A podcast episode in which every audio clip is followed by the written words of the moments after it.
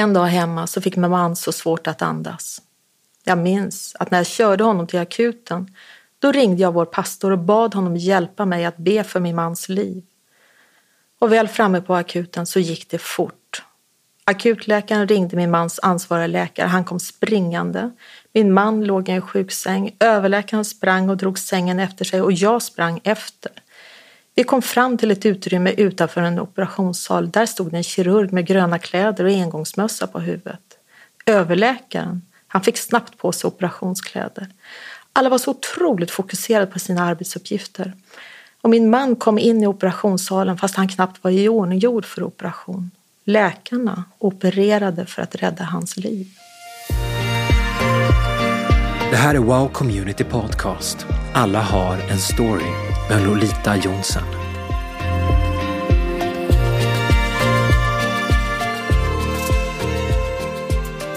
Vår yngsta var fyra år och de andra barnen var 9, 14 och 16 år. Alla var på sitt sätt i en känslig ålder. Min man och jag var i ett rum på Karolinska i Solna. Det var fem, sex läkare runt omkring oss. Den äldsta av läkarna talade.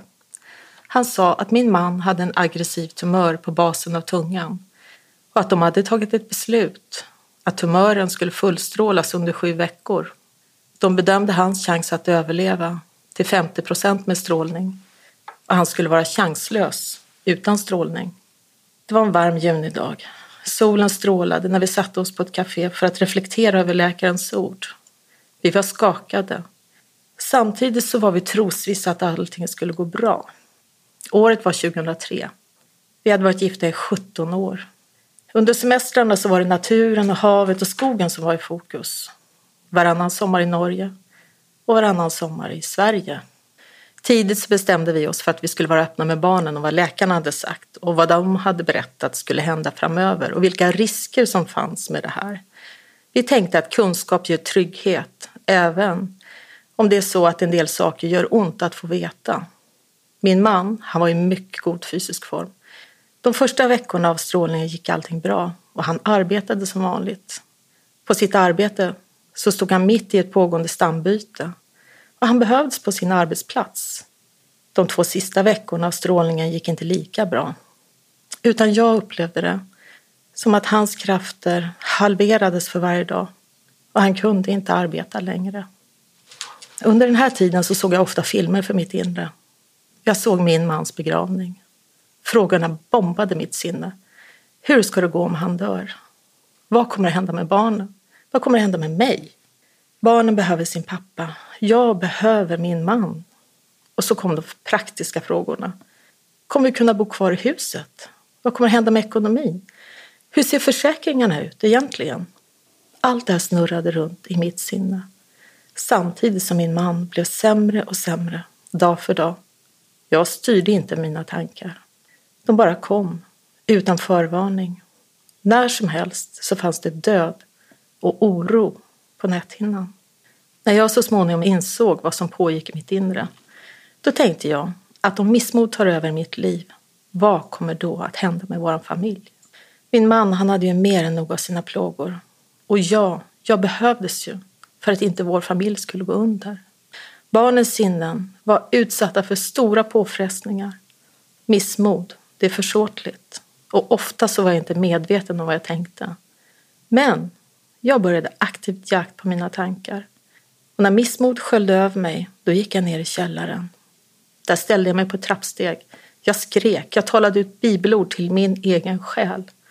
Vilka bibelord som helst, alla bibelord som kom upp ur mitt inre. Jag kunde inte acceptera närvaron av missmod i mitt liv och jag behövde verkligen bli av med det. Efter många sådana här tillfällen på källartrappan, när jag fick ta min själ till fånga genom att proklamera bibelord, då började besöken av missmod i min själ och komma allt mer sällan. Och missmodet, det ersattes av förtröstan på Gud. Det gav frid i min själ och det gav stabilitet till hela vår familj. När jag var 11 år, då var jag på ett kristet barnläger i norra Sverige. Jag kommer ihåg att jag låg ensam på knä i matsalen en dag. Jag hade en sån fruktansvärd syndanöd. Det var mitt på dagen, alla andra var ute och lekte. Men tårarna rann och min förtvivlan ville aldrig ta slut. Den kvällen var det ett tältmöte på lägret och när det bjöds in till frälsning då gick jag fram för att bli frälst och jag fick gå in i ett sidotält. Där, i det tältet, böjde jag knä. Under floder av tårar så fick jag ta emot Jesus som min frälsare. Det var sommarlov. Jag och min lillebror tillbringade alla somrar hos mormor och morfar i Norrland. Våra mostrar och morbröder var också där. Alla var starkt präglade av en person. Det var min mormor. Min mormor var en gudskvinna som från den dag hon blev frälst hade en passionerad kärlek till Jesus. När jag läser Bibelns beskrivning av kärleken som tålig och mild, att den inte beter sig illa eller brusar upp, att kärleken gläds med sanningen, att kärleken tror allt och hoppas allt och uthärdar allt, då, då tänker jag på min mormor. Hela hennes varelse var som kärleken personifierad och den grund hon la i mitt liv har gett mig tro på Jesus. I hennes liv så såg jag ett starkt exempel på en enkel människa som levde nära Jesus hade en genuin kärlek till Guds ord. Bön det var lika viktigt för henne som att äta. Så även om, min, om mitt liv svajade en del i tonåren och i ungdomen så lämnade jag aldrig min tro på Jesus.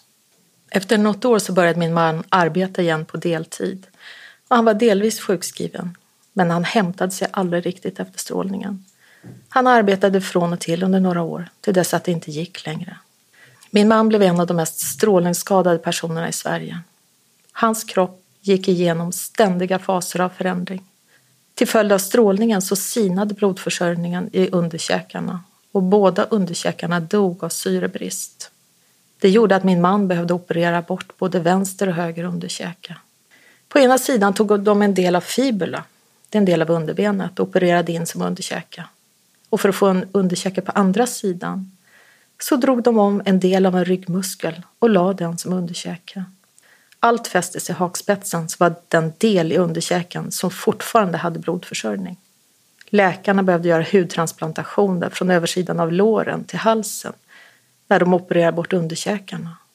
Men strålningen hade gett dåligt läkkött i hela min mans kropp och huden på låren ville inte läka. Så under cirka 18 månaders tid var min man utan hud på översidan av låren. Det var väldigt smärtsamt. Till slut så sydde de helt enkelt ihop huden. Över tid så brukade min mans luftstrupe dra ihop sig så mycket så att läkarna med några månaders intervall vidgade luftstrupen med hjälp av ett särskilt instrument.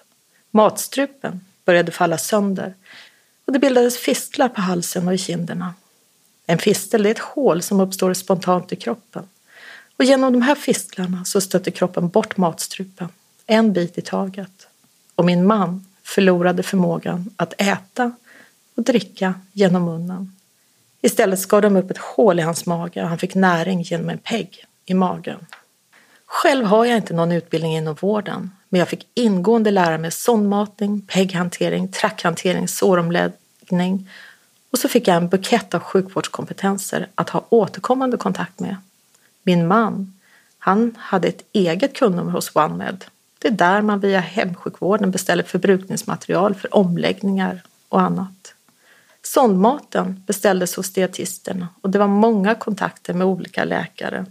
Ansvarig huvudläkare, det var överläkaren på öron, näsa, hals och så var det infektionsläkare, hudläkare, smärtlindringsläkare, kirurger, narkosläkare och så naturligtvis hemsjukvården och ASIH. Hemsjukvården kom hem en till två gånger per dag för omläggningar. ASIH det står för avancerad sjukvård i hemmet. Och i långa perioder så var de hemma hos oss två gånger per dygn med 12 timmars intervall för att min man behövde olika typer av antibiotika. Han fick en portakat opererad. En portakatt, det är en venport som man sprutar in i istället för att sticka sprutor direkt i huden. Men det stora problemet åren efter strålningen det var att syresättningen av min mans blod försämrades. Han fick återkommande blodtransfusioner för hans blodvärden kunde sjunka väldigt kraftigt. Läkarna försökte stimulera syresättningen av hans blod genom att periodvis behandla honom i tryckkammare. Det hjälpte bara att hålla uppe hans blodvärden under kortare perioder på några månader. Familjens dagliga liv rullade på. Min man krigade med sina smärtor och återkommande svåra infektioner. Och mitt i allt så var han så tålmodig och så optimistisk. Fick han en dag med bara lite smärtor, då ville han alltid fixa något som var trasigt eller göra något praktiskt hemma. Under ett år kunde han ha fyra, fem nästan smärtfria dagar. En dag hemma så fick min man så svårt att andas. Jag minns att när jag körde honom till akuten då ringde jag vår pastor och bad honom hjälpa mig att be för min mans liv. Och väl framme på akuten så gick det fort. Akutläkaren ringde min mans ansvariga läkare. Han kom springande. Min man låg i en sjuksäng. Överläkaren sprang och drog sängen efter sig och jag sprang efter. Vi kom fram till ett utrymme utanför en operationssal. Där stod en kirurg med gröna kläder och engångsmössa på huvudet. Överläkaren, han fick snabbt på sig operationskläder. Alla var så otroligt fokuserade på sina arbetsuppgifter. Och min man kom in i operationssalen fast han knappt var iordninggjord för operation. Läkarna opererade för att rädda hans liv. Operationen beräknades till 40 minuter. Jag gick ut och satte mig i bilen och jag ropade till Gud för min mans liv. Efter 20 minuter så ringde läkaren och sa att operationen var klar och att allt hade gått bra. De hade gjort en trakeostomi genom att göra en öppning till luftstrupen. I öppningen hade de satt en trakealkanyl som han kunde andas genom för hans luftstrupe hade kapitulerat helt. De första åren med Trax så gick det hyfsat bra att tala. Men med åren så gick det allt sämre och med tiden så kunde min man inte tala överhuvudtaget. Han kommunicerade istället med hjälp av en iPad och så köpte vi en dörringklocka som han tryckte på när han ville något. Jag minns att min man hade gett mig en weekendresa till Prag i födelsedagspresent. Vi var i Prag några dagar och när vi flög hem så började han plötsligt att rulla med ögonen. Han var inte kontaktbar. Så blev han blå i ansiktet och jag la ner honom på golvet. Från ingenstans så var det helt knäpptyst i planet. En flygvärdinna kom med en syrgasmask. Plötsligt så satt en passagerare som visade sig vara läkare. Han höll min mans fötter högt. En annan passagerare som var sjuksköterska höll min mans huvud. Jag bad om en sax. Den kom på nolltid. Och jag klippte av syrgasmasken från syrgasslangen. Jag drog ut tracken ur hans hals och körde ner syrgasslangen i hålet i halsen. Så bad jag flygvärdinnan att dra på mig mera syrgas. Och den blå färgen i min mans ansikte lämnade efter en stund. När han verkade vara stabil och jag tog bort syrgasen, då blev han blå i ansiktet igen efter en stund och jag gjorde om manövern. Den som var ansvarig för kabinbesättningen beslutade att nödlanda flygplanet i Köpenhamn. Där väntade ambulans som tog oss till Rikshospitalet. Det här var en av de allra första gångerna som jag handgripligt räddade livet på min man. Det skulle bli ytterligare 10-12 ytterst kritiska tillfällen då jag fick gripa in för att hålla honom vid liv.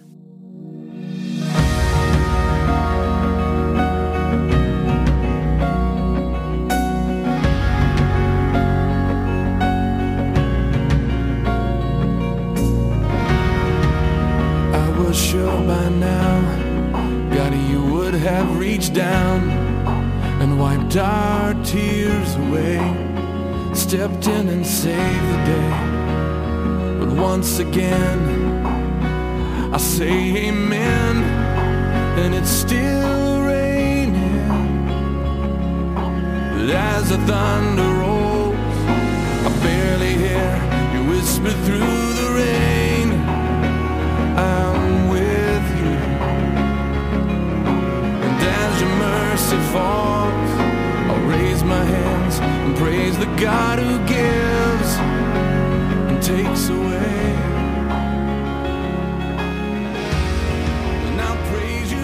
I allt det här så upplevde jag en allt större tacksamhet i mitt inre.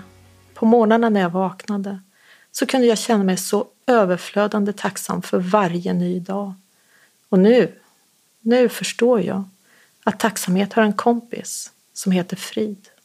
Att mitt i pågående vardagskaos med min man, handling, barn som skulle hämtas och lämnas på dagis och skola, heltidsarbete, föräldramöten, ett hushåll som skulle skötas med tvätt och städning, födelsedagar som skulle firas och presenter som skulle handlas, läxor som skulle göras. Att mitt i allt det här få uppleva frid inombords, det var egentligen helt fantastiskt. Och receptet för tacksamhet, frid och frånvaro av missmod. För mig har det varit bön, Bibeln och att lita på Gud. Jag älskar återvinningscentraler. Varje vecka brukar jag åka till en återvinningscentral nära där jag bor. Och där lämnar jag avfall som inte ryms i husets soptunna. Och oavsett hur mycket skräp jag än har med mig i bilen så lämnar jag allt skräp vid återvinningscentralen och jag tar inte med mig det hem igen. Och för mig är det här en så stark bild på hur jag ständigt får komma till Jesus med allt bråte som har tagit sig in i min själ och jag får lämna det vid Jesu kors. Ett så fantastiskt handgripligt hjälpmedel det är att dagligen få lämna alla själsliga bördor vid Jesu fötter och att inte behöva bära dem själv. Det är en stor hemlighet i det här. Vid ett tillfälle så fick min man hål på ryggmärgshinnan och det ledde till att han behövde steloperera några av de övre ryggkotorna. I samband med det så blev han delvis förlamad i höger underarm och i delar av höger hand. Nu blev det svårt att skriva på iPaden. Den situation vi hade nu, det var att min man saknade underkäkar. Han kunde inte äta, dricka eller tala. Han kunde knappt använda sin högra hand. Smärtor var ständigt närvarande och hölls i schack med kraftiga smärtstillande medel. Han behövde allt mer hjälp med sondmatning, omläggningar, rengöring av tracken i halsen, byte av halsband i tracken, kommunikation med sjukvården, ta på och av kläder, duscha. Så här levde vi under flera år. I allt det här höll han modet uppe och han höll fast vid sin tro på Jesus. Återkommande under åren så drabbades min man av svåra infektioner som han behandlades för under längre perioder. Lungornas funktion reducerades allt mer och med tiden så behövde min man använda syrgas dygnet runt. Syremätaren var ständigt till hands och han hade en eldriven syrgasmaskin hemma. När vi åkte till sjukhuset då använde han istället bärbara syrgasflaskor. Till slut så beviljades han personlig assistent 19 timmar per dygn. Och jag är så tacksam för att vi tog beslutet att min man själv skulle vara arbetsgivare till sina assistenter. Då kunde han själv bestämma vilka assistenter han ville ha. Genom hela den här processen med successiv försämring hos min man under 14 års tid så kom missmod på flitigt besök den första tiden. Sen avtog de besöken och nu för tiden, när jag känner igen missmod, då talar jag bibelord till missmodet och det försvinner. Men på senare år har jag knappt haft några besök av missmod längre. Om jag inte hade haft Jesus och Guds ord, då vågar jag inte ens tänka på hur det hade kunnat gå för våra barn. Om jag inte hade haft Jesus och Guds ord, då vågar jag inte ens tänka på hur det hade kunnat gå för våra barn när min man hade varit strålningsskadad ungefär fyra år, då började ett av våra barn att bete sig väldigt rebelliskt hemma. Det barnet respekterade inte vad vi sa, var ute för länge på kvällarna, misskötte skolan, skrek och smällde i dörrar hemma. Och kompisarna blev som en familj för det barnet. Och jag minns att jag i början av det här beteendet hade ett långt förmaningssamtal med barnet. Resultatet av det samtalet det var att jag blev inte tilltalad under tre veckors tid. Jag blev fullständigt behandlad som luft. Av det så lärde jag mig att förmaningstal det var inte ett framgångsrikt sätt att få mitt barn på rätt väg igen. Jag bestämde mig för att relationen med mitt barn var det viktigaste och jag valde kärlek och tålamod gentemot mitt barn oavsett hur illa barnet betedde sig. Träningen i att ta auktoritet över mina tankar gentemot missmod kom mycket bra till pass med ett rebelliskt barn i huset. En röd pall i hallen.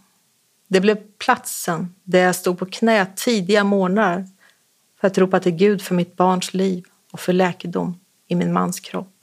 De sju rebelliska år som följde, parallellt med min mans situation, de var utmanande på många sätt.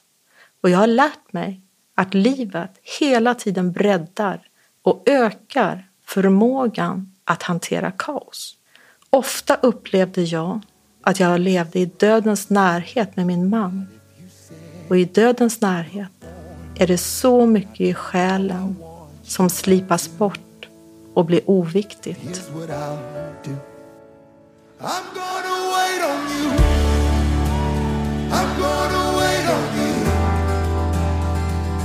I've tasted your goodness. I'm trusting your promise.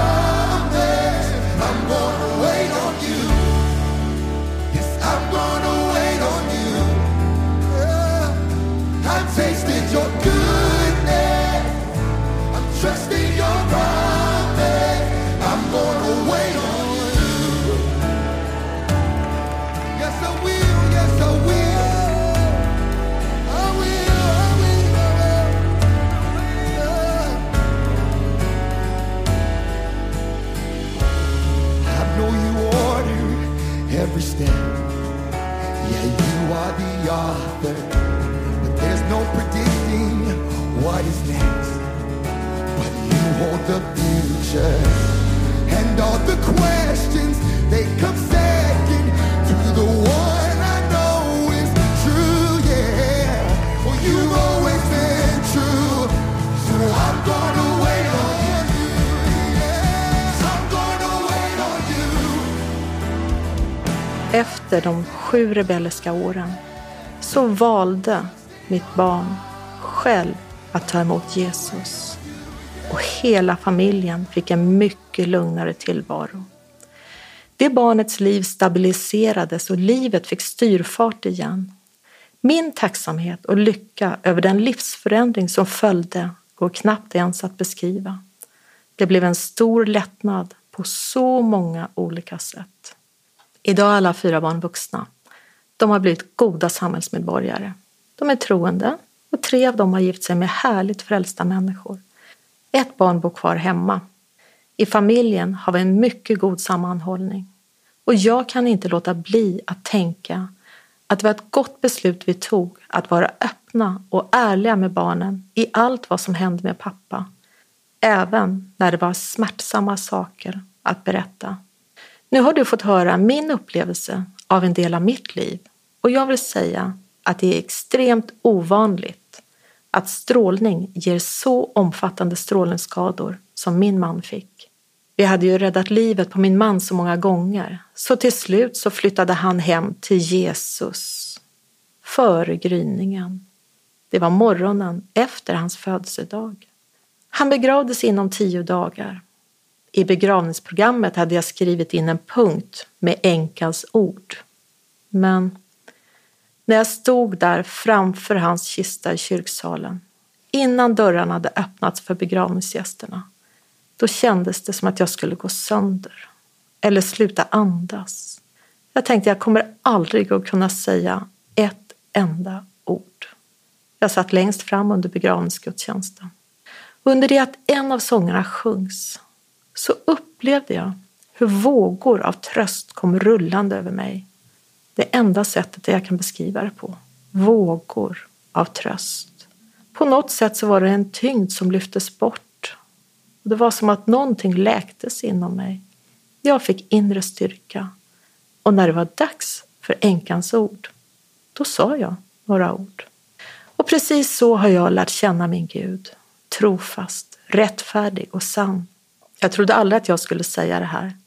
Men idag så är jag mycket tacksam för att min man fick flytta till himlen då på hösten 2017. Han behövde inte uppleva pandemitiden. I sådana här livssituationer så finns det ju liksom inte någon manual att följa. Utan man får göra sina erfarenheter och man får dra lärdom av dem.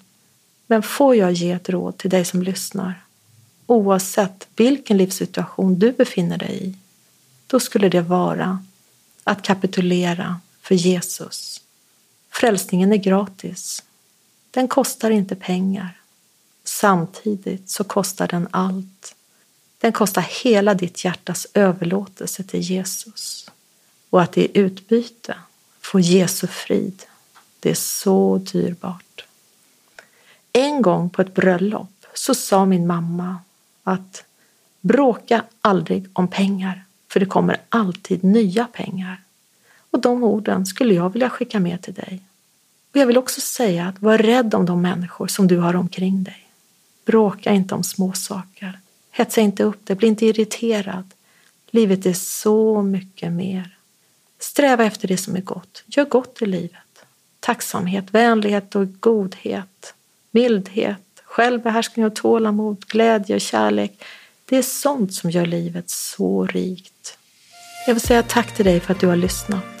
Skriv gärna till info.wowchurch.com om du vill dela med dig av dina upplevelser.